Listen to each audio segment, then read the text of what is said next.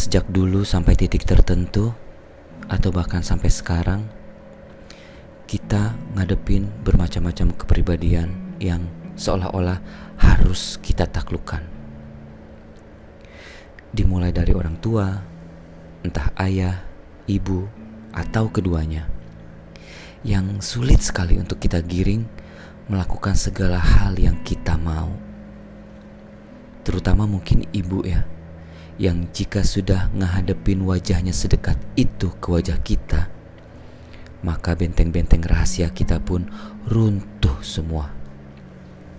Lalu bersama-sama dengan ayah, mereka berdua seolah-olah ngebatesin eksistensi kita.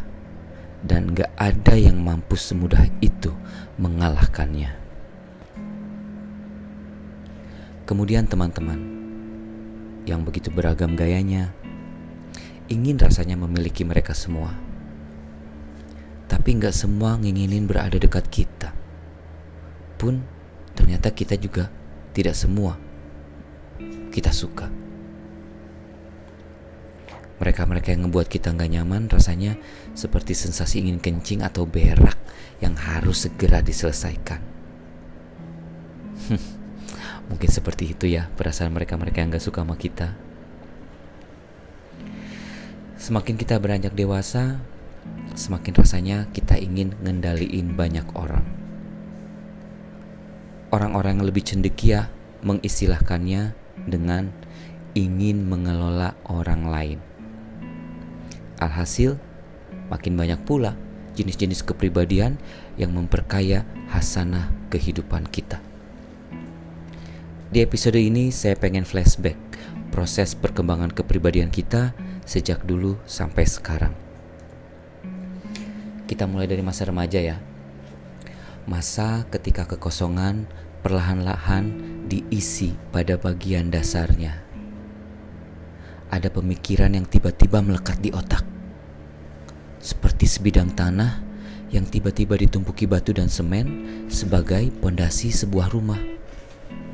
Tiba-tiba sudah ada di sana. Dan kita bertanya, siapa sih tukang yang ngerjain pondasi ini?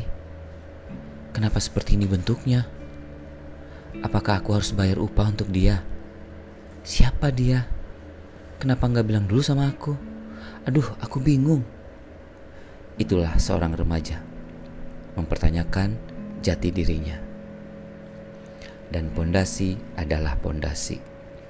Terkubur di tanah selayaknya tidak berubah sampai kapan pun. Beranjak mulai dewasa, di atas pondasi itu bagian-bagian rumah mulai didirikan. Itulah perilaku-perilaku kita yang tampak dari luar dan seiring waktu ngalamin banyak perubahan dari masa ke masa.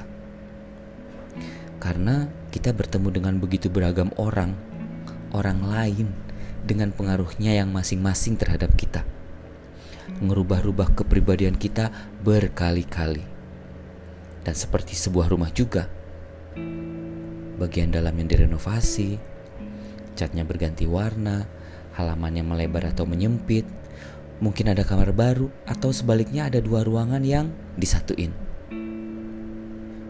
Dan jadilah kita seperti sekarang ini. Kita yang dewasa. Rumah kepribadian udah jauh berbeda dibandingkan kita yang remaja. Dan ketika sesekali menemui orang-orang dari masa lalu, mereka berkomentar. Ya ampun, kamu beda banget sekarang. Tentu saja beda. Wong udah begitu banyak pengalaman yang merubah bagian luar dari rumah kepribadian kita. Dalam hati kita merasa syahdu. Diri ini mengiyakan kalimat sangkawan lama tentang perubahan. Tetapi ada sebuah lirih yang teduh membisikkan di dada. Aku masih seperti yang dulu. Sebab pondasi yang terkubur di tanah tetap seperti itu bentuknya. Tidak berubah atau pindah ke mana-mana. Ia masih di sana.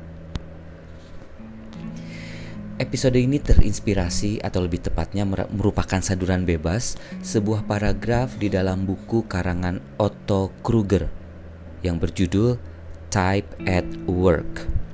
saya baca setiap hari di Google Playbook. Sedikit demi sedikit, tidak berhenti-berhenti, sebab buku itu sudah seperti kitab buat saya, yang karirnya memang bergerak di bidang pelatihan dan SDM. Paragraf itu sangat menarik tentang perumpamaan kepribadian sebagai rumah. Dan itu ngingetin saya bahwa menjadi seorang people expert itu penting banget supaya kita bisa jadi pemegang karir yang efektif di atas bumi ini. Dan kuncinya ada di dalam diri kita sendiri. Mengelola diri sendiri. Caranya gimana? Ya, ketahuilah diri sendiri sedalam-dalamnya. Ingat-ingat lagi, apa aja, siapa aja yang mempengaruhi pemikiran dan kepribadian kita sejak remaja sampai sekarang. Terus, terima diri kita seada-adanya, setulus-tulusnya, sedalam-dalamnya. Maka, kita akan semakin bisa berhubungan baik dengan orang lain secara percaya diri, penuh keyakinan, dan penuh kekuatan. Thanks a planet and have a good one.